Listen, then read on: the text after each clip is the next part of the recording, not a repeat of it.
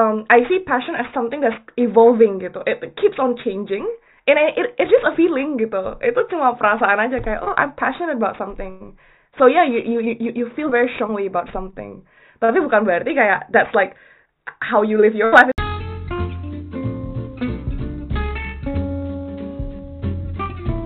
Hi, now you are listening Transfer Talks.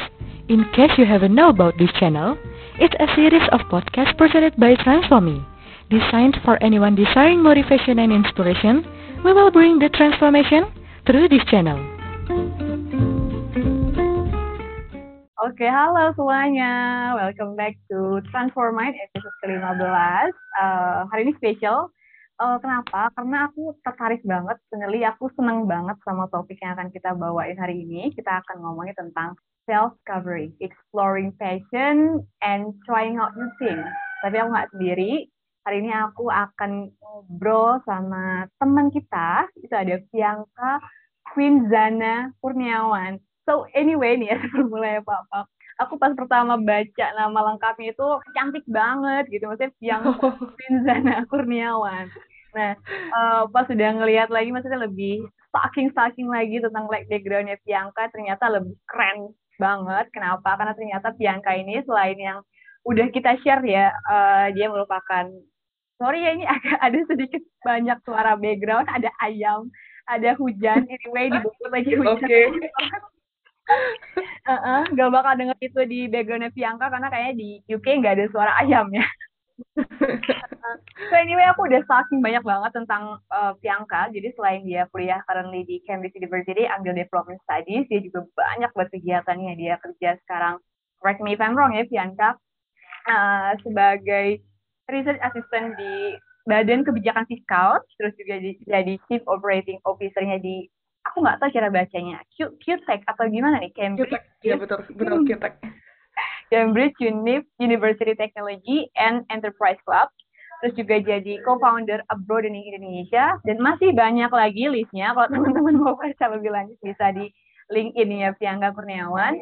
Uh, Piangga juga aktif di berbagai komunitas, dia juga YouTube, dia juga nulis di Medium. Pokoknya dia pas banget uh, untuk kita obrolin tentang passion hari ini. So, kita sapa dulu nih, karena orangnya udah ada di sini, udah cantik banget. Uh, selamat pagi, Bianca.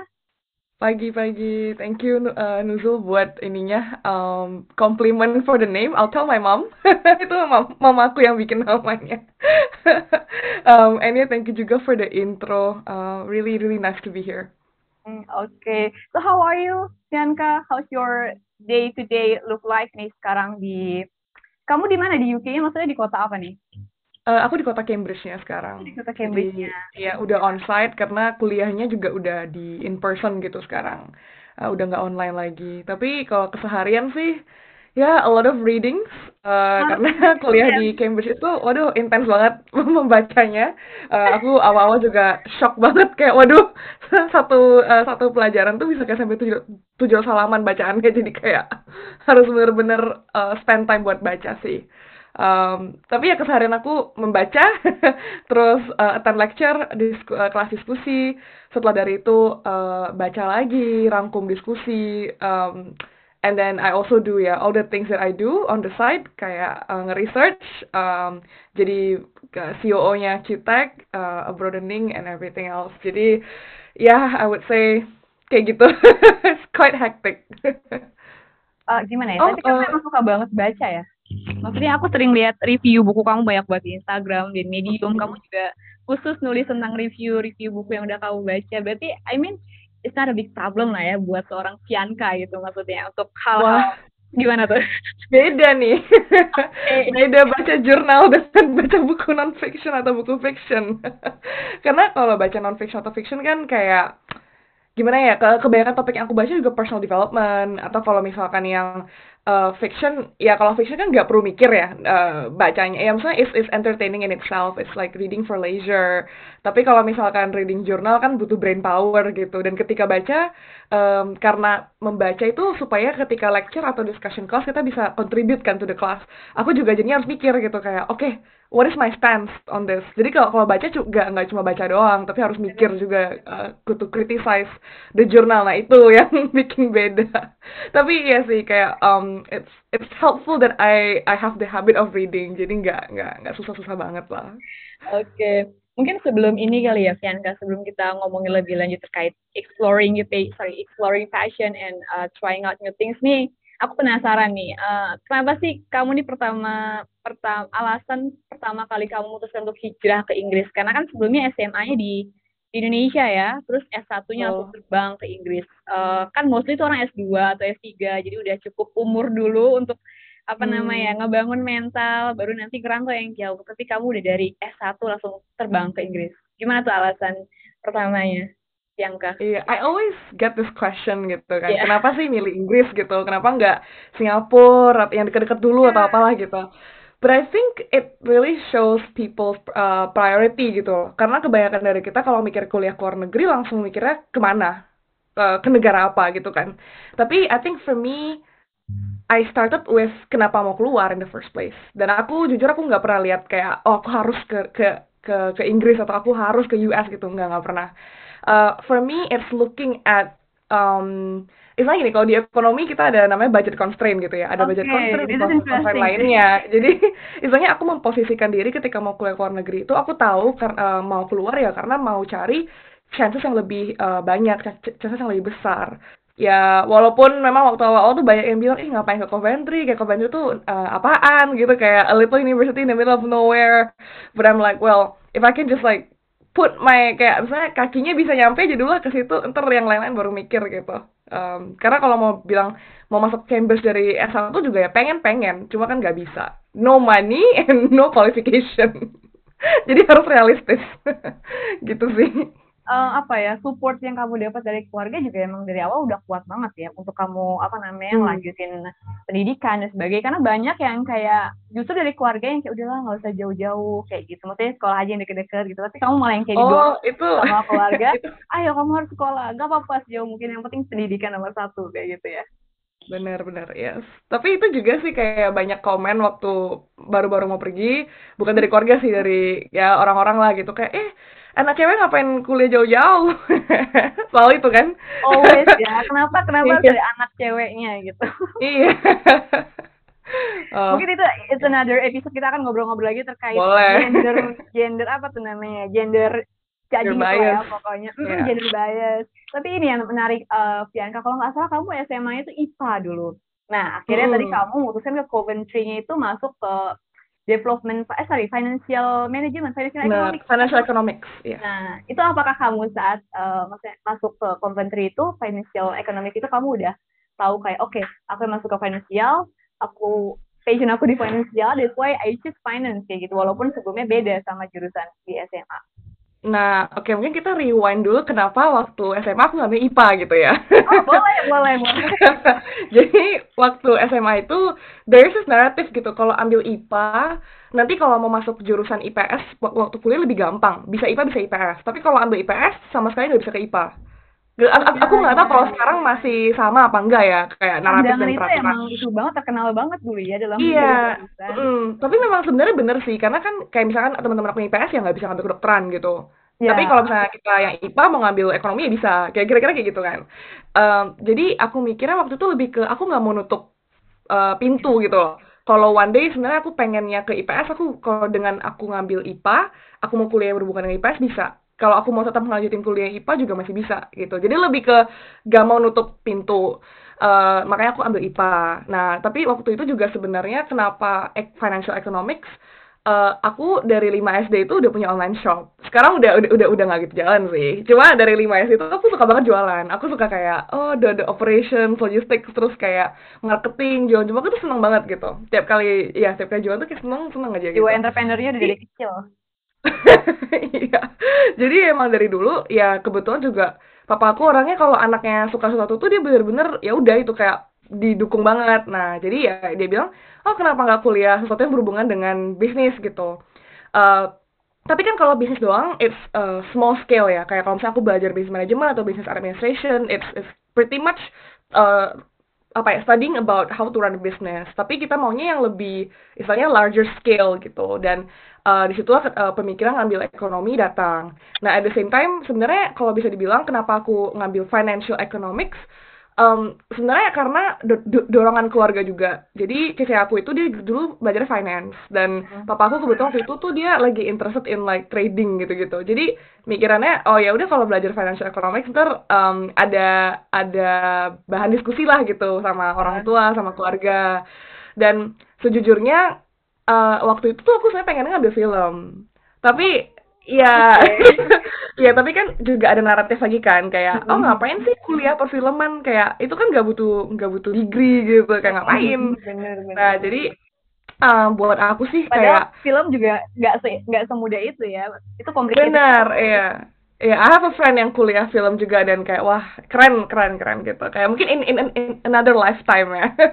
Tapi istilahnya uh, for me kenapa aku memutuskan ya udah uh, ngambil financial economics I don't mind uh, karena gimana ya kayak I'm not saying that you should always say yes to your family to your parents tapi mungkin kalau buat aku karena mereka selalu memprioritaskan aku untuk kayak whatever it is dan memprioritaskan edukasi aku so I have that respect to them as well gitu. Jadi kayak oh kalian um, pengennya aku ngambil ini and I found it ya udah sih kayak oke okay lah interesting ya yeah, why not gitu. Dan again I think economics juga membuka banyak pintu gitu. Uh, so it was really practical so it's not like passion atau apa. Aku masuk masuk ke financial economics I don't know anything. Okay. I thought it was gonna be accounting. Terus di hari pertama uh, aku ingat lecturer aku bilang kayak by the way ini bukan kelas bisnis ya kalau kalian mikir kalian mau belajar bisnis this is not the place terus aku yang kayak wow oke okay. ini benar-benar teritori yang aku nggak tahu sama sekali dan bener-bener aku masuk kuliah aku nggak tahu apa-apa kayak nol banget nggak tahu apa-apa berarti lebih banyak praktikal tuh bisa dibilang hitung-hitungan ekonomi gitu ya Tapi kayak akuntan itu kan lebih banyak hitungannya Oke, okay, but yeah. dan juga kan mikirin return ya. Kayak balik modal nggak sih kalau nanti punya degree ini tuh mau ke mana gitu kan. Jadi ya, ya it's, very, it's very practical. uh, Bianca, menjalani selama empat tahun ya berarti kuliah di Coventry. Benar, empat tahun. Uh, did you enjoy it di financial economics itu? Um, karena belajarnya finance and economics, I can say I really enjoyed the economics part. I hated the finance part. Gue kayak I don't like saya aku suka hitung hitungan dan ekonomi banyak hitungan juga gitu. Cuma hitungannya finance tuh agak kayak aduh ini sesuatu yang menurut aku not for me lah gitu. Sama banget gitu gak sih hitungannya? Iya dan rigid gitu. Kayak oke okay. karena hitung uang jadi harus detail banget ya gak sih? Iya bener. Dan rigid sih aku kayak hmm, kurang. That's why. But iya yeah, ekonominya aku enjoy banget Oke, okay, but that's life lah ya. Jadi so one day nanti kayak pas balik lagi ya, that's my life journey lah ya di uh, di financial management. Nah, anyway, Bianca nih, um, sebelum ngomongin lebih jauh tentang exploring passion, sebenarnya ini aku baru kepikiran tadi sih. Jadi mungkin ini kayak apa ya? Mungkin banyak orang yang bilang kayak hidup tanpa passion itu nggak enak dan sebagainya sebagainya. Aku pun ngelis dan pertanyaan langsung ke pertanyaannya itu sebenarnya. Tapi hmm. setelah dipikir-pikir lagi sebenarnya apa sih makna passion gitu. Jadi kita nggak harus hmm. yang uh, atau gimana gitu. Tapi buat seorang Priyanka gitu, kalau kita ngomongin passion hari ini, apa sih sebenarnya makna sebuah passion buat Priyanka gitu? Hmm mungkin kita bisa mulai dari apa yang society kind of shape as fashion oh, and what I kind of realize there. Uh, kamu kamu banyak banget pandangan, suka banget aku. Ini kebanyakan mikir nih. Hmm, oke okay. Okay. um, kayaknya growing up tuh aku dengar kata passion sering banget ketika orang ngomongin mau kuliah apa. Yeah. Jadi uh, mulai dari zaman SMA gitu lah ya, baru sering dengar kata-kata passion. Sebelumnya tuh ya nggak ada gitu kayak iya, just living hidup aja gitu ya. Iya bener as a normal, you know kayak anak SMP gitu kayak nggak nggak nggak mikir passion gitu. Dan ketika masuk SMA, teman-teman dan orang-orang mulai mikir, oh mau kuliah apa mau kuliah apa, and then this is advice gitu ya kayak the golden advice kayak oh kan harus tahu passion kamu di mana terus kayak ambil kuliah jurusan itu gitu. Dan I think this is a narrative yang kayak diulang diulang diulang dan sebenarnya ketika aku baca buku uh, this is a very good book namanya uh, So Good They Can't Ignore You by Cal Newport. Aku highly recommend that book. Um, itu udah dari tahun 1960-an gitu tapi konteksnya konteks pekerjaan. Jadi kalau mau kerja apa mikirnya ya passion kamu apa kerjanya di bidang itu. Um, so I think there's this thinking kalau passion itu sesuatu yang kayak harta karun yang harus ditemukan gitu ya di dalam diri itu kayak there's only one passion dan lu harus nemuin itu gimana pun caranya. Tapi it's such uh, apa ya itu pemikir menurut aku semakin aku um, berpikir semakin aku baca ini tuh nonton ini tuh merasa itu kayak sangat a very limiting naratif gitu loh. Kayak kalau kita mikir passion cuma cuma kayak satu hal ini gitu yang kita harus figure out. Karena if if if that's truly the case berarti bosen dong hidup orang. Kayak you find out what your passion is kayak supposedly di umur 17 gitu ya. Kuliah jurusan itu. Uh, kerja bidang itu. Sampai mati gitu. Kayak isn't that like a very boring way to live life gitu? Istilahnya kalau ada satu TED, TED Talk yang aku nonton uh, kalau nggak salah dia aku lupa judul TED Talknya apa tapi nama orang yang ngomong namanya Terry Trespicio dia bilang kayak uh, kalau kalian mikir passion tuh kayak gini, kalian tuh hidup itu cuma tunnel vision gitu loh. Kalian cuma ngeliat tuh satu ke depan aja, a very singular way of living. Jadi itu bikin aku sadar juga gitu kalau passion dan dia bilang di TED Talk dia, passion itu tuh is a feeling. Dan kalau saya kita do quick Google search, passion means apa ya? Tadi aku cari. Um, passion means uh, a strong feeling or emotion gitu. Berarti and and and as we know feelings change. Kayak kita nggak merasa sedih itu sedih selama lamanya kita nggak merasa senang senang selamanya. And the same thing with our interest gitu kan in something. Mungkin sekarang aku suka banget perfilman. Tapi it's not like forever I'm gonna be interested in it gitu loh. Atau mungkin ada orang yang memang kayak oh cinta mati gitu sama satu bidang ya silahkan gitu. Tapi I don't think for most people that's the case ya. Dan again passion uh what I come to kind of like see it as. Yeah, it's just whatever you're you you you feel strongly about gitu at any given time. It's not like the only thing yang harus kita cari tahu sekarang gitu. So the question of gimana cara menemukan passion uh, apa passionnya apa dan sebagainya I always think it is quite irrelevant for me karena um, I see passion as something that's evolving gitu. It keeps on changing and it, it's just a feeling gitu. Itu cuma perasaan aja kayak oh I'm passionate about something. So yeah you you you you feel very strongly about something. Tapi bukan berarti kayak that's like how you live your life. Itu bukan manual gitu loh. Kayak oh passionku di bidang ekonomi. Jadi aku harus jadi ekonomis gitu sampai sampai kapan gitu. Kira-kira gitu sih. Benar benar benar. Tapi mungkin agak sedikit uh, tarik balik nih yang tadi uh, Piangka bilang kita mulai baru mikirin passion itu saat kita baru mau masuk S1 baru mau masuk kuliah lah intinya kayak gitu karena emang sebenarnya juga dari uh, aku juga SMA, SMP, SMA sampai sekarang kuliah juga kan di Indonesia ya. Sistem pendidikan di Indonesia dari kita SD, SMP, SMA tuh kita nggak pernah diajarin secara hal yang kayak kayak gitu. Maksudnya gimana kita mempersiapkan hidup kita setelah kita keluar dari dunia sekolah tentang passion, misalkan juga nanti tentang uh, karir uh, preparation dan sebagainya gitu. Jadi kayak kita sebenarnya mencari sendiri nggak sih? Apakah makna dari passion itu dan sebagainya gitu. And I'm I'm happy gitu. Kamu masih sudah menemukan itu dari pemikiran kamu dari semua buku dan dari uh, apa namanya lingkungan kamu ya. Keren banget sih angka pandangan terhadap sebuah passion. Tapi misalkan ada yang datang ke kamu nanya sekarang what is your passion? Atau what are your passion? mungkin atau karena lebih dari hmm. satu gitu. Gimana kalau Sianka Sianka I would say for me it's two things two it's things, learning okay. learning and discovering learning and discovery. Oke. Okay. Iya. Karena biasanya kayak, ya passion kamu apa? Kayaknya ekonomi, kayaknya kedokteran, kayaknya kayak itu bukan passion ya, itu lebih ke pekerjaan ya berarti ya. Soalnya kamu uh, juga iya, learning nah, and apa uh, tadi discovering ya? Discovering ya. Hmm, Oke, okay. explain coba Priyanka gimana nih? Iya, yeah. I think um, gimana ya? Karena again like back to my point, kenapa sih topik passion ini super important and people talk about it all the time gitu? Karena people kayak gimana ya? Kayak orang itu kan nggak tahu gitu. Kayak what they wanna do in life. And usually the north star adalah ya nggak ada ke passion gitu. Dan eh, I I understand uh, jawaban-jawaban passion yang merujuk ke satu bidang gitu ya. Karena that's that's also what I thought lah sebelum ini. Kayak kalau waktu SMA ditanya passionnya apa ya oh bisnis gitu. Kayak suka hmm. banget nih om uh, bikin bisnis and there's there's nothing wrong with that. Kayak menurut aku yang salah adalah kalau kita mikir kita passion in one place and think that that's the only thing in your life gitu. That's something wrong. Tapi kalau merasa kalau oh aku sekarang lagi passionate-nya di bidang nggak tahu ya kayak um, sepak bola gitu atau apa kayak ya it's, it's okay if if if if if that's your passion tapi yeah. ketika kamu umur 40 50 ketika physically is is no longer impossible for you to be an athlete gitu kayak would that then not be your passion? Gitu kan kayak that's the question. Kalau misalkan orang yang kayak nge set passion is one thing. So I think for me the short answer yaitu kayak learning and discovering the long answer I think kalau melihat passion di satu lensa yang kayak apa yang uh, lumayan long term gitu ya menurut aku continuously learning itu udah sesuatu yang aku kan seneng banget dari zaman SMP SMA gitu. Kalau ditanya kayak hobinya apa belajar gitu.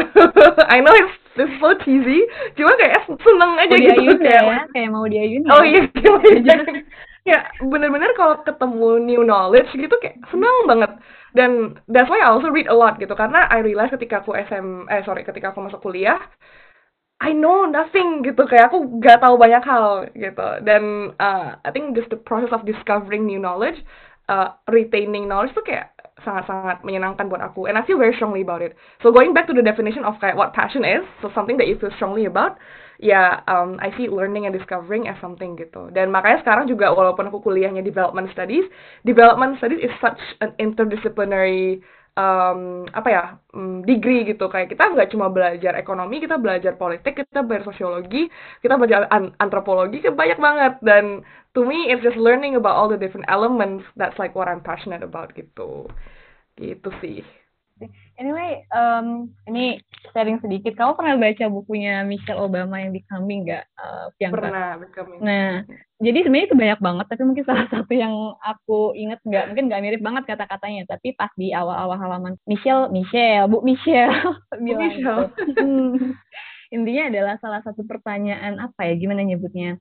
Terkonyol ya atau mungkin tidak terlalu penting yang orang-orang dewasa tanyakan ke anak kecil itu adalah kamu kalau mau kamu kalau gede mau jadi apa? Gitu. Karena itu pertanyaan yang sebenarnya jawabannya nggak bisa kamu ukur saat kamu masih, saat kamu masih kecil gitu. Karena saat kamu nanti udah gede kamu banyak banget ngejalanin hal-hal yang justru nggak pernah kamu planning saat kamu masih kecil gitu. Kayak dulu kan kita masih kecil tuh planning paling kita jadi dokter jadi apa sih cita-cita yang uh, waktu kita masih kecil dokter pengacara terus uh, insinyur kayak gitu-gitu. Tapi saat udah gede yeah. kita dipilihkan oleh banyak banget pilihan dalam hidup gitu yang akhirnya ngebawa kita ke sini ke mana ke mana ke mana. Jadi kayak pertanyaan kamu mau jadi apa? saat kecil tuh kayaknya nggak relevan banget ditanyain. Karena who knows gitu. Kita akan tertariknya ke mana.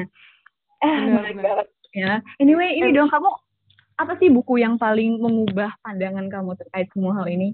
Karena kan kamu banyak banget baca buku nih. Ini aku penasaran aja dari sisi personal karena terlihat dari semua yang kamu share dari yang aku baca dari yang aku baca. Wah asik banget nih berarti. Oh iya nih aku kayak eh, orangnya kurang original gitu jadi semuanya dari bacaan.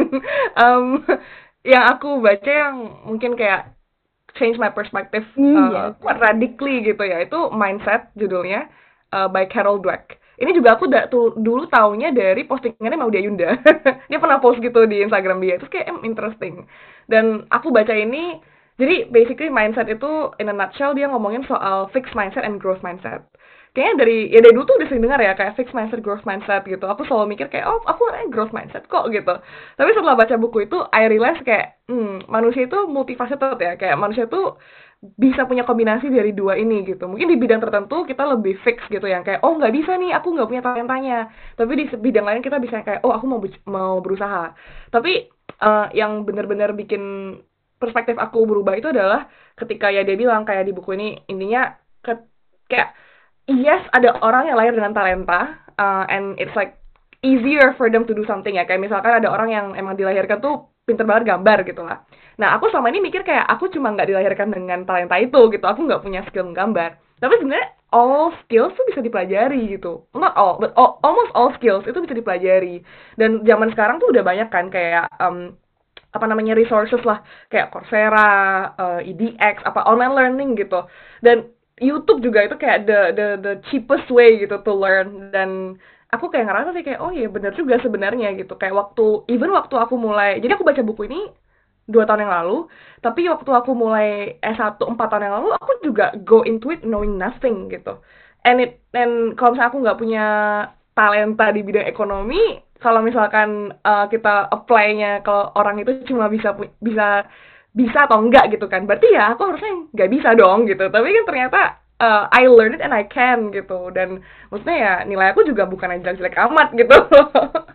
Jadi istilahnya that book uh, jadi ini aku sih jadi panduan aku banget. Kayak tiap kali aku ngerasa kayak aduh nggak bisa nggak bisa nggak bisa aku selalu balik ke buku itu dan aku selalu kayak teringatkan kalau no kayak if you want to learn something you can gitu. The question is what do you want to learn gitu? What do you want to spend your time learning? Karena hidup tuh nggak cukup kan kalau mau belajar semuanya gitu. And to your point tadi tentang yang Michelle Obama yang uh, pertanyaan yang itu juga kena banget di aku kayak nanya anak kecil kan kayak kamu mau jadi apa? It's kenapa irrelevant juga? Karena anak kecil tuh nggak ada data point, nggak ada data point yang enough gitu. Data point aslinya itu experience, environment, ketemu orang atau apa pun itu. Dan baik lagi ke kayak just tying it back to the passion topic, kayak aku nggak mungkin misalnya passion di bidang bahasa Maori gitu, karena aku nggak pernah tinggal di situ gitu. Dan I don't have that, that, that data point untuk aku compare gitu loh. Kayak hmm kayaknya ini interested deh eh in, interesting deh untuk aku pelajari. So yeah it's going back to data point lagi sih. Kayak hmm, how much you're exposed to uh, different things. Dan that's why baik lagi kenapa learning and discovering is important karena ya itu sih kalau buat aku aku mau um, absorb as much data point as I can supaya aku bisa kayak oh oke okay, fokusnya oh mungkin mau ke sini gitu tapi ya itu buku kalau buku ya mindset Carol Dweck Okay. Nah, anyway, Fianka, uh, jadi gini, menurut kamu apa ya? Apa aja sih yang bisa kita lakuin uh, buat buat tadi kan kalau bilang kayak oke okay, aku nggak mungkin uh, passion sama bahasa Maui karena misalkan apa tadi? Bahasa apa tadi? Mau mau Maori ya? Maori oh Maori sorry. Yeah, karena mungkin aku nggak pernah terjamah oleh bahasa itu dan sebagainya gitu. Berarti kan emang ada beberapa faktor yang bisa ngebantu kita gitu dalam menemukan oke okay, aku sukanya ini ternyata oke okay, aku ternyata passionnya di sini gitu. Kalau dari seorang Tianka sendiri apa aja sih faktor-faktor yang bisa membantu kita gitu untuk nemuin passion kita lebih cepat? Atau hal-hal yang menarik buat kita lah kayak gitu. Hmm, I think yang pertama banget tuh harus ada dalam diri sendiri ya. Jadi oh, gitu. being aware, being being aware. Jadi awareness menurut aku tuh kayak skill yang perlu banget dilatih dan apa yang aku selama 12 tahun pendidikan Indonesia tuh nggak pernah di, di, diajarin gitu. Being aware of the way you think, being aware of your own bias gitu. Karena kita semua mau orang bilang kayak oh harus objektif kayak no one is ever objective gitu. Kita tuh penuh dengan subjektivitas dan menurut aku um, ketika kita paham gitu kayak oh aku berpikir seperti ini karena dulu tuh kayak gini gitu. That that made me think the way I think now. Dan kalau misalkan kita bisa reach the point di mana kita self aware di mana aku sering journaling jadi kayak bener-bener cuma nulis aja apa yang aku pikirin it really helps uh, untuk kayak untangle your thoughts um, jadi being aware of your own biases itu menurut aku kayak per, uh, step pertama lah yang bisa kita ambil. Jadi dengan kayak gitu kita bisa tahu kalau misalkan a lot of the things yang aku asumsi itu cuma asumsi karena aku belum pernah cobain gitu loh. Kayak misalnya nih dulu uh, ini agak silly cuma uh, aku tuh nggak suka manga gitu. Karena kayak ih kayak nggak tau lah kayak di di di kepala aku for some reason kayak nggak ya nggak enak aja gitu nggak mau. Tapi then I realize kayak I, I, I actually I've never tried it before gitu. Kayak aku tuh nggak pernah coba dan ya udah setelah aku coba aku tahu aku suka gitu kan. Jadi mengambil contoh ini buat hal-hal lain ya mungkin pikirkan gitu loh kayak sekarang mungkin ada hal-hal yang entah kenapa dari kecil tuh mungkin kita avoid gitu. Mungkin kayak aku mungkin nggak tahu ya contoh aja misalnya oh kita avoid main bulu atau avoid uh, fisika atau apa gitu. Kenapa gitu? Kayak do you actually know why atau mungkin emang belum pernah dicoba aja gitu. Uh, dan dengan menyadari itu, then it opens an opportunity for you to actually try those things gitu. Nah menurut aku sih mau mencoba hal itu banyak kalau zaman sekarang ya banyak banget lah ya YouTube, yang aku bilang tadi uh, online courses, uh, atau bahkan kayak kalau misalnya kalian punya temen yang kuliah jurusan berbeda ya udah kayak ngobrol aja sama dia gitu nanya. Nah aku tuh kayak di sini uh, punya teman-teman yang kalau di Cambridge kebanyakan teman aku itu anak-anak STEM anak-anak anak-anak yang science gitu ya. Jadi aku dengerin mereka aja ngomong tentang kimia tentang tentang kayak kristalisasi apa pun kayak aku nggak ngerti cuma aku dengerin aja gitu. Kayak oh ya menarik gitu. Aku anak kimia nih oh, oh. iya sorry yang sebenarnya aku nggak ngerti cuma aku dengerin. Aduh terus iya gitu um, coba reach out to people dan ngobrol aja. Dan uh, other things kayak podcast atau apa gitu. Aku sekarang sering dengerin podcast jadi uh, I get a lot of insight juga dari situ. Dan it's all about trialing gitu. Nggak ada yang bilang kok kalau misalnya kamu coba sesuatu kamu harus ngambil itu nggak ada. Kayak it's all just kayak trial and error and um, ya kayak bener-bener cobain aja. Dan juga mungkin kerja gitu kayak internship volunteering apa segala macam coba bidang yang berbeda-beda. Jangan mikir kayak oh aku harus fokus ke satu aja gitu. Dan nggak boleh ke deviate ke yang lain gitu. Uh, there's this thing a quote yang orang selalu bilang uh, apa jack of all trades a master of none. Yang istilahnya kayak oh kamu orang yang generalis itu kayak tahu banyak cuma nggak ada yang bener-bener tahu. But then what's wrong with that gitu loh. Kayak aku merasa karena aku tahu banyak hal walaupun nggak dalam-dalam banget aku bisa connect ke banyak orang gitu loh. Orang ngomong apa aku bisa kayak eh actually I heard something about this tapi please enlighten me gitu. Kayak could you talk more gitu. Jadi that openness in your mind kayak oh aku tuh kayak gini karena apa yang terjadi di dulu atau mungkin apa yang nggak pernah terjadi cuma aku memikirkan kayak aku aku berpikir aja kayak oh aku nggak suka ini nggak suka itu tapi ternyata sebenarnya you just never tried it gitu. So ya yeah. tapi anyway kamu pernah juga nggak? Tadi kan mangga nih ya contoh kasusnya. Tapi kalau misalkan sekarang lebih ke hal atau kita mau ngomongin juga trying out new things ya. Apakah pernah kamu ada sebuah aktivitas atau sebuah apa ya namanya bidang yang awalnya kamu kayak aduh nggak deh bukan gue banget. Aduh nggak deh gue nggak bisa kayak gitu. Tapi pas dicobain hmm. malah kayak ih asik ya kayak gitu. Ih malah malah jadinya suka kayak gitu. Pernah ada pernah nggak ada pengalaman kayak gitu Bianca? Mm -mm, ini mungkin ekonomi ya. Tapi sebenarnya aku dulu nggak yang kayak enggak ah gitu. Cuma lebih ke apaan sih? gitu. Kayak hmm, kayak aduh aku nggak tahu apa apa gitu. Uh, itu sih. Tapi end up kan kayak aduh jatuh cinta gitu. Kayak aduh suka banget.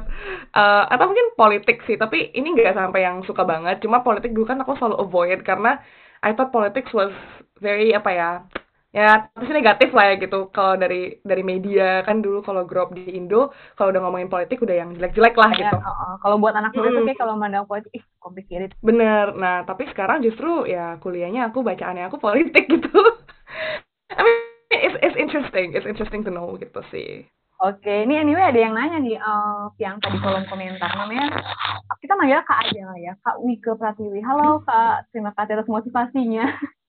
saya mau bertanya, pernah nggak sih uh, si angka gagal? Terus gimana kita nyemangatin diri kita saat menghadapi kegagalan? Mungkin Mbak Wika boleh nih ngobrol sama kita atau open cam sambil dengerin si angka jawab. Gimana si angka? Pernah nggak gagal? Atau kayaknya semuanya berhasil terus di diri si? Aku siapa sih yang nggak pernah gagal? Sorry, maksudnya kayak menurut aku semua orang pasti pernah gagal gitu. Cuma kan aku selalu percaya it's not about whether you failed or not, bukan tentang pernah gagal apa enggak atau gagalnya berapa kali, tapi tentang kamu ngapain kalau kamu gagal. That's like the more more more important to me gitu. More more of an important question. So I think the second part of your question is the most important.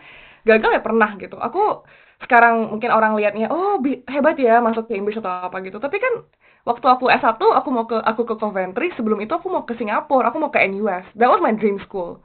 And I didn't get in. It was heartbreaking for me gitu. Itu itu gagal mungkin gagal terbesar aku itu. Kayak aku pengen banget masuk ini yang aku suka uh, tapi aku nggak berusaha. Maksudnya aku berusaha aja berusaha nggak nggak jor-joran gitu loh. Kayak I know I should be working hard towards it tapi um, aku nggak ngasih effort aku yang kayak 100 kayak 110% gitu loh. Dan ketika gagal ya sakit hati cuma I deep down I know kayak aku nggak berusaha enough gitu. Uh, atau mungkin hal lain uh, kegagalan aku jadi kan aku kuliah 4 tahun ya. Tapi ada setahun di mana di antara tahun ketiga sama tahun terakhir itu programnya aku tuh kerja selama setahun. Nah untuk kerja ini itu um, kita harus apply sendiri. Jadi kita nggak yang kayak dikasih sama uni nggak. Jadi apply sendiri. Itu Tahu nggak aku aku ditolak berapa kali? Aku ditolak lebih dari 40 kali. selama aku apply selama berapa bulan ya?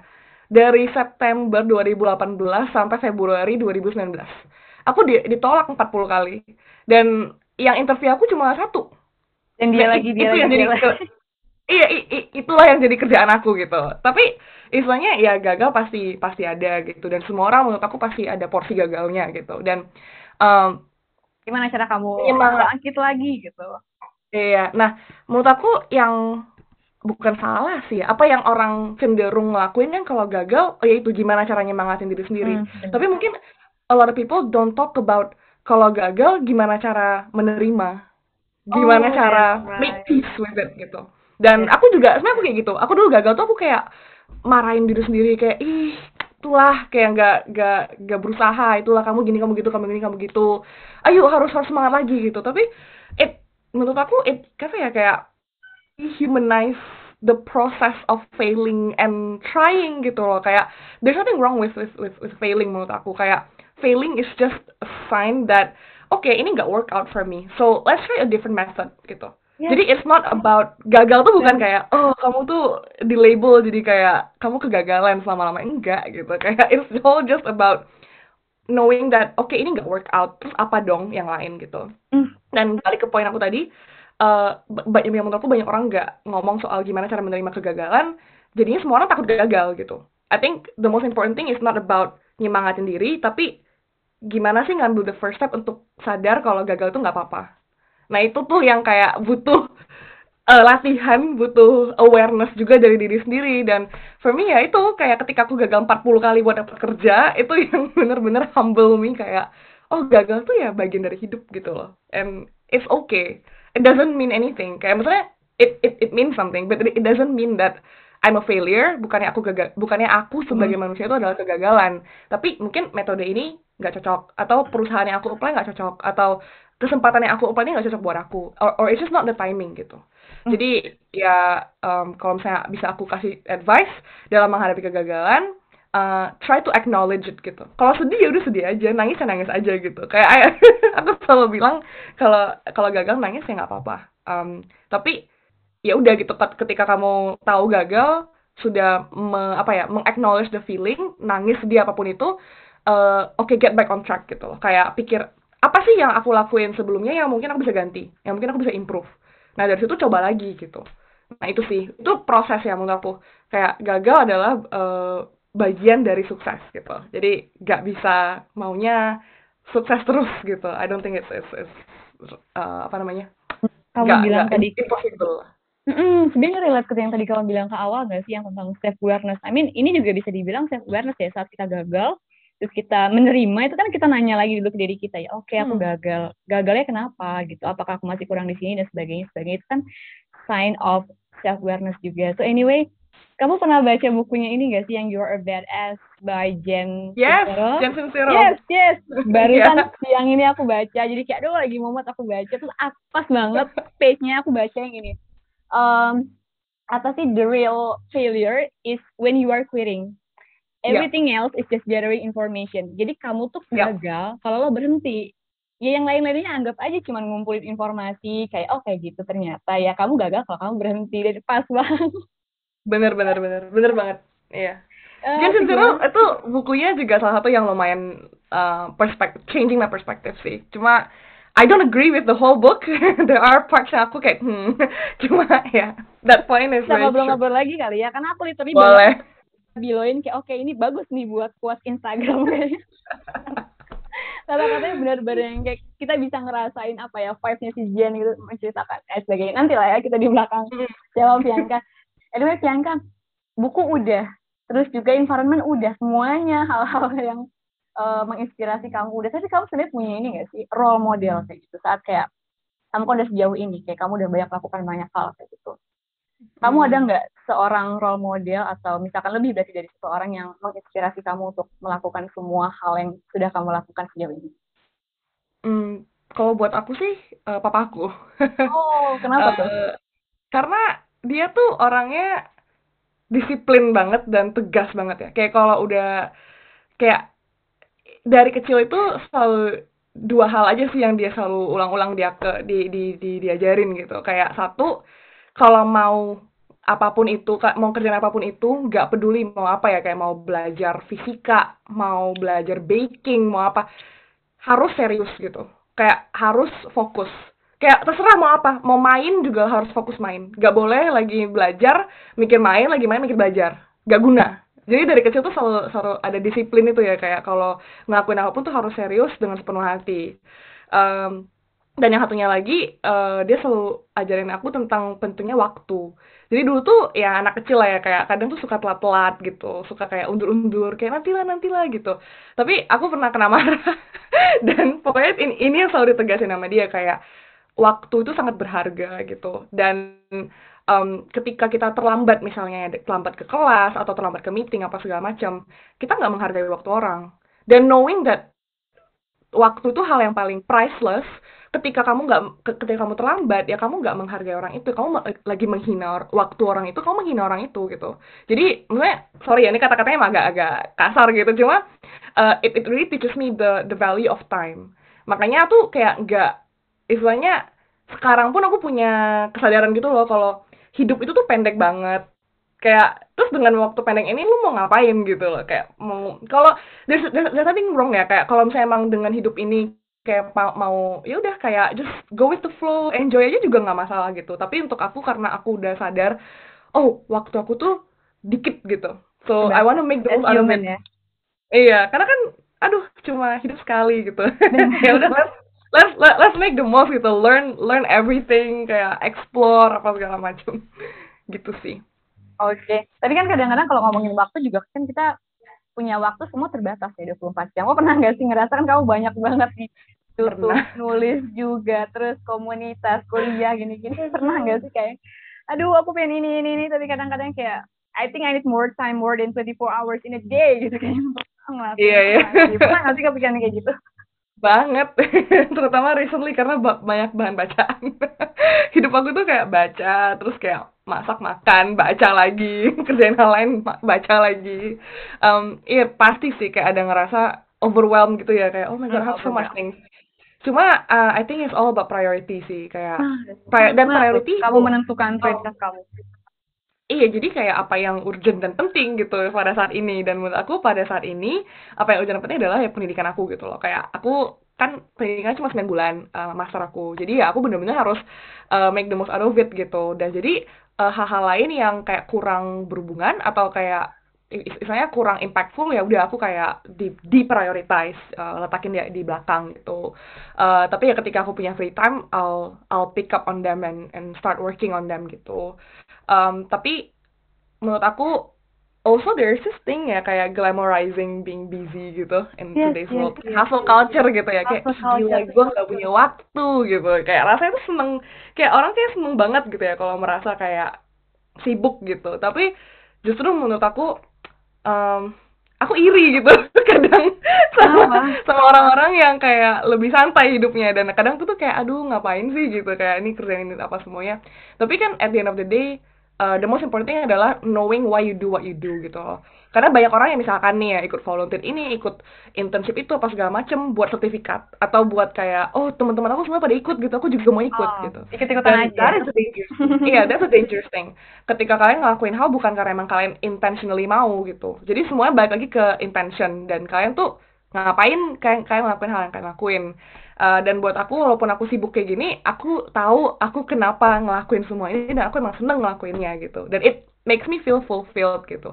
Although at times I wish kayak aku punya waktu lebih untuk nonton Netflix misalnya atau apa gitu. Cuma busy but still make time for uh, entertainment and for kayak leisure gitu sih. Kayak kemarin ini baru kemarin malam uh, karena emang udah capek banget kayak belajar belajar belajar belajar ya aku tidurnya lamaan gitu. Kemarin jam sepuluh tidur gitu.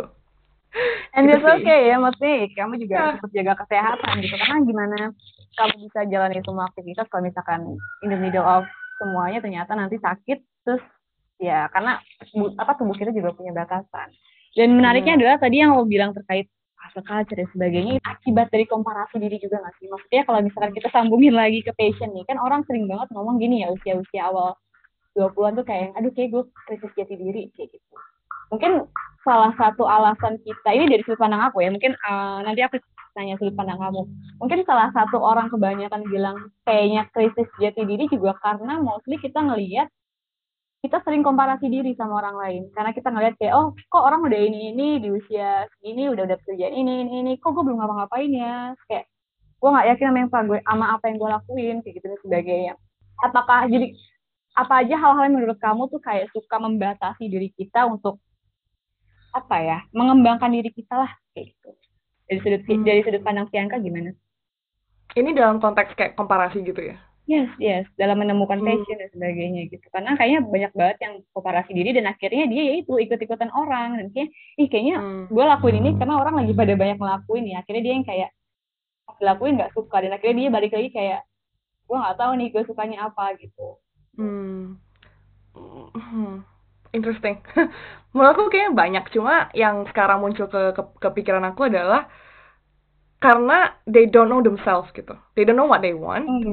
Jadi ketika orang lain nga- ngambil apa ya ikutan gitu. Dan istilahnya banyak orang yang ikut-ikutan itu juga gak punya istilahnya eh, kayak istilahnya gak punya pegangan gitu. Istilahnya tunggu.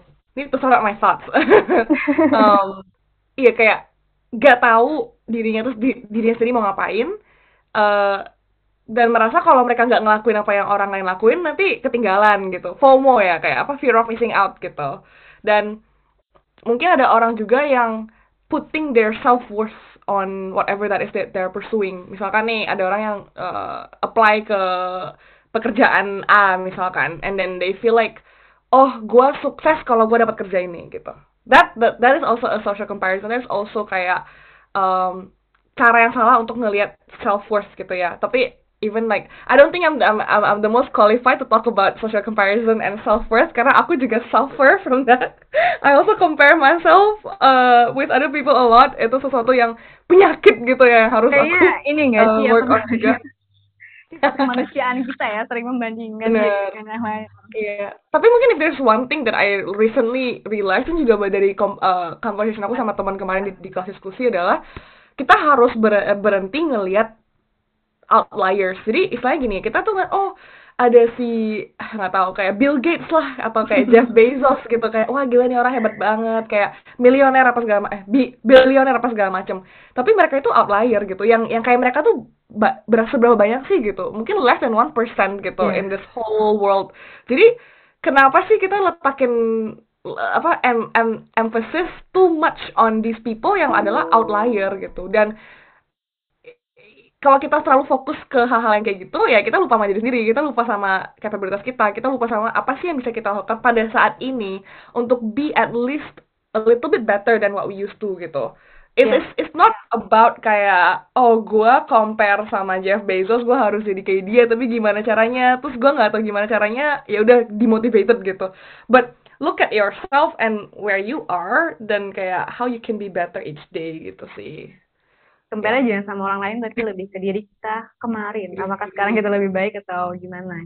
yes Ini ada dua pertanyaan nih yang di Yes. kolom chat. Kita jawab yang satu dulu kali. Ini tapi dia lagi- boleh Hmm, Kak Fianka dulu gimana belajar bahasa Inggrisnya, terutama listening dan speaking, karena aku udah enam kali gagal, terutama IELTS aku masih rendah, sama speaking dan Oh. listening. Nah, gimana nih Fianka? Oke. Apakah dulu pas ke UK langsung keren bahasa Inggrisnya atau gimana? um, oke eh, eh, first and foremost kayak kamu udah gagal enam kali tapi kamu coba terus kayak salut banget. Dan I know IELTS is not easy. Kayak IELTS itu menurut aku it's less about um, apa ya ngukur kemampuan bahasa Inggris tapi lebih ke kemampuan mengambil standardized test. That's like the skill that they're looking for sebenarnya. Kayak walaupun emang embel-embelnya ya uh, bahasa Inggris. Karena yang aku sadarin itu IELTS itu you just need to know the strategy. You don't have to be kayak nak tahu vocabulary whatever yang kayak kayak keren-keren gitu enggak gitu kayak yang penting tahu strategi untuk ngejawabin gitu. Dan untuk speaking dan listening in specific menurut aku tuh butuh banyak praktis gitu apalagi speaking ya karena kalau misalkan IELTS tuh kan kita butuh eh kita cuma dikasih waktu very limited time untuk mikir jawaban untuk formulate jawaban jadi nggak cuma praktis ngomong tapi juga praktis untuk think on the spot. Itu sih yang menurut aku skill yang perlu diasah. Eh, dan gimana cara supaya bisa mendapatkan jawaban-jawaban ide-ide untuk ngejawabin itu adalah ya dengan banyak baca, banyak denger, gitu sih. Dan listening juga it's all about kayak uh, also listening itu kenapa ya menurut aku di IELTS lumayan tricky adalah karena uh, different accent mereka Iya. nggak cuma pakai satu aksen kayak British atau apa tapi kayak ada Scottish accent apa segala macam. Itu yang aku struggle juga dulu. Uh, jadi what I recommend uh, ke YouTube aja dengerin kayak vlogger-vlogger kayak yang dari yang aksennya beda-beda gitu. Kayak cari orang-orang yang dari Scotland orang dari Irlandia atau apa gitu dan dengerin mereka punya aksen.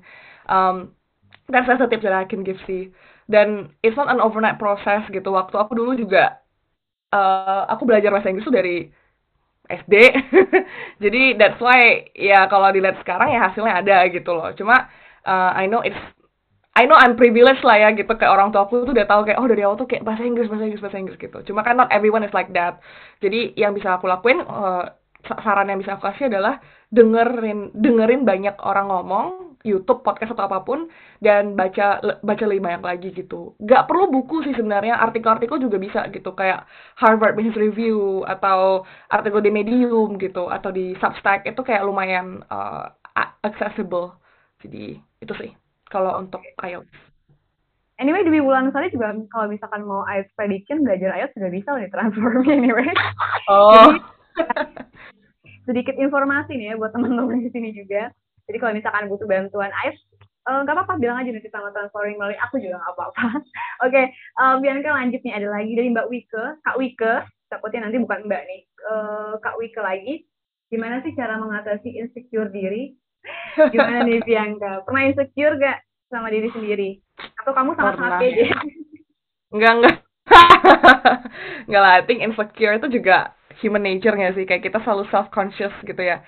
Eh, apa yang aku pelajarin, dan ini dari buku, yang tadi yang dibilang sama eh, Nuzo, yang eh, Jen Sincero, You Are a Badass itu, dia bilang kayak, it's not about the movie, it's about the movie goers. Jadi maksudnya, ketika kalian nonton film misalnya nih ya, kalian nggak suka sesuatu, itu bukan sebenarnya bukan tentang filmnya gitu, tapi tentang preferensi kamu.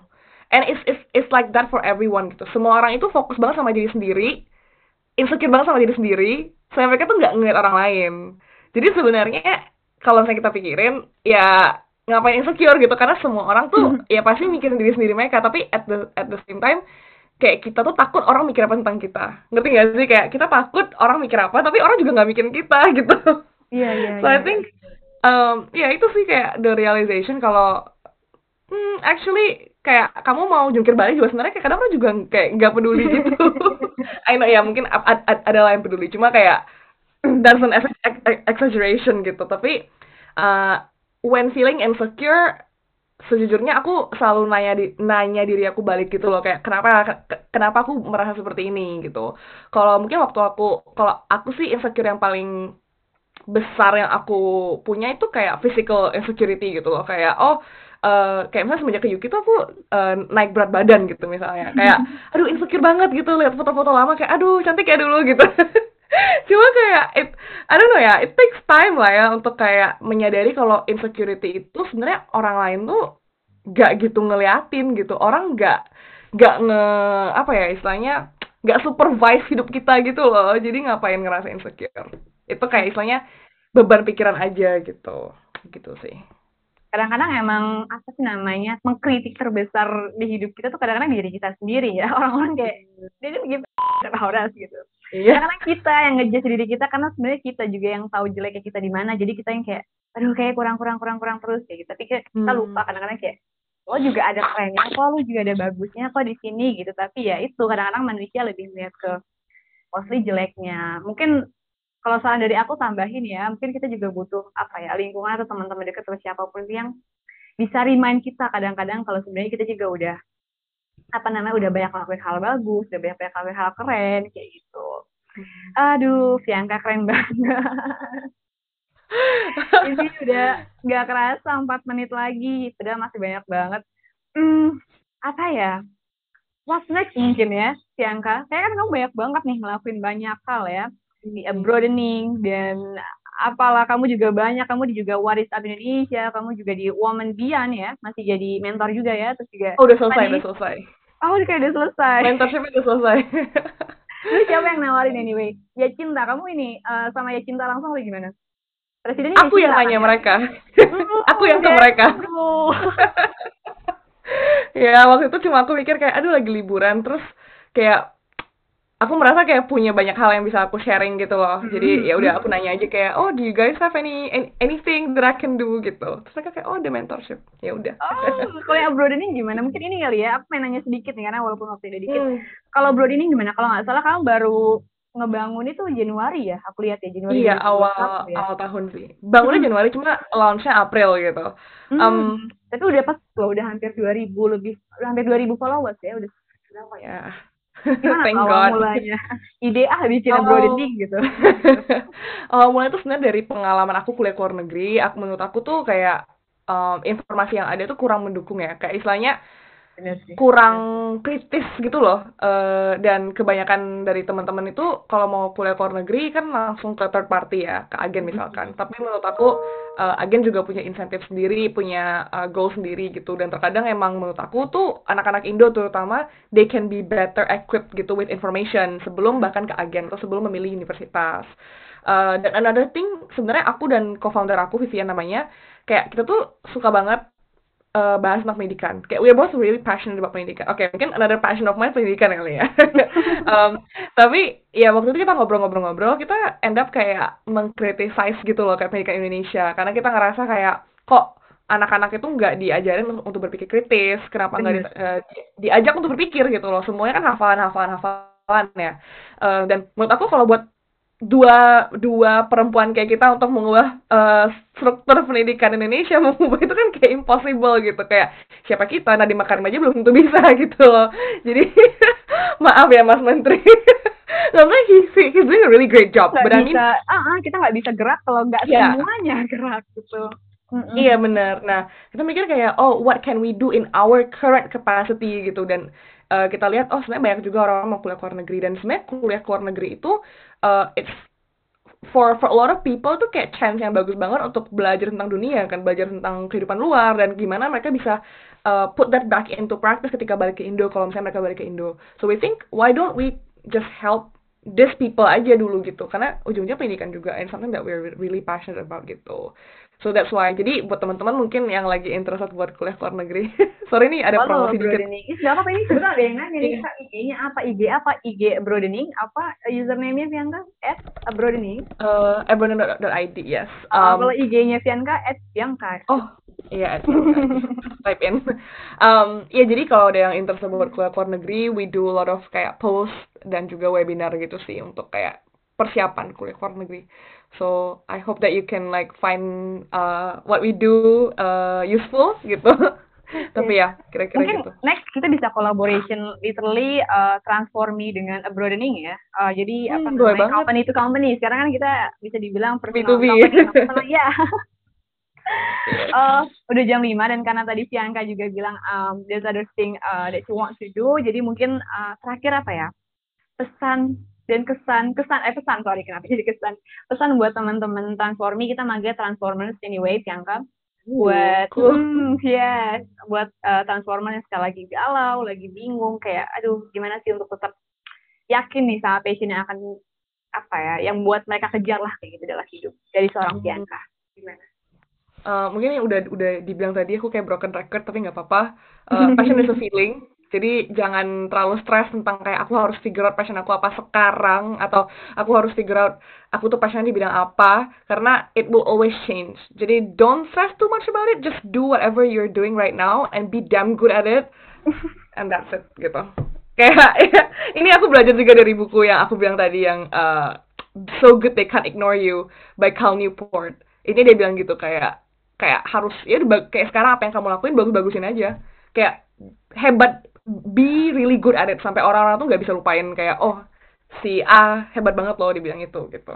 kamu udah baca yang bukunya yang ini juga belum aku bar- aku baru baca satu sih kalau Newport yang ini digital minimalism itu. Belum, but it is on my list. Belum sempat baca. tapi aku punya ebook ya mungkin nanti kalau mau aku kirim ebook Oh, boleh boleh. Dapat gratis ya. oh, oh, jadi benar-benar kayak sebagai reminder nanti kita ngobrol-ngobrol lagi kayak I'm personally Boleh. uh, uh, really grateful uh, bisa ngobrol sama Bianca hari ini bukan Oh, thank bukan you. cuma dari Transformi tapi dari aku juga kayak ngerasa ih asik banget punya teman kayak ah, gimana ya kayak lo pernah nggak sih punya teman yang kayak asik banget diajak di talk dan Iya. ini lah Bianca kayak gitu Yang Kayak connect banget ya. kayak kalau misalkan uh, one day kamu balik ke Indonesia atau ya one day misalkan aku ke UK ya. Jadi kayak I hope we can meet in person karena kamu Boleh bener-bener orang banget. yang I like your positive vibes dan thank you banget Pianka udah nyebarin positive vibes, positive message dan semua kata-kata yang sangat-sangat memotivasi hari ini. Pianka sukses terus ya dan mudah-mudahan kita kolaborate lagi ke depannya. Terima kasih juga buat teman-teman yang udah hadir. Thank you semuanya. Bye-bye. Sampai jumpa di. Transformation episode selanjutnya. Listening our podcast. If you have something to ask, don't hesitate to reach out to us on our Instagram transforme.id or on our website www.transforme.id.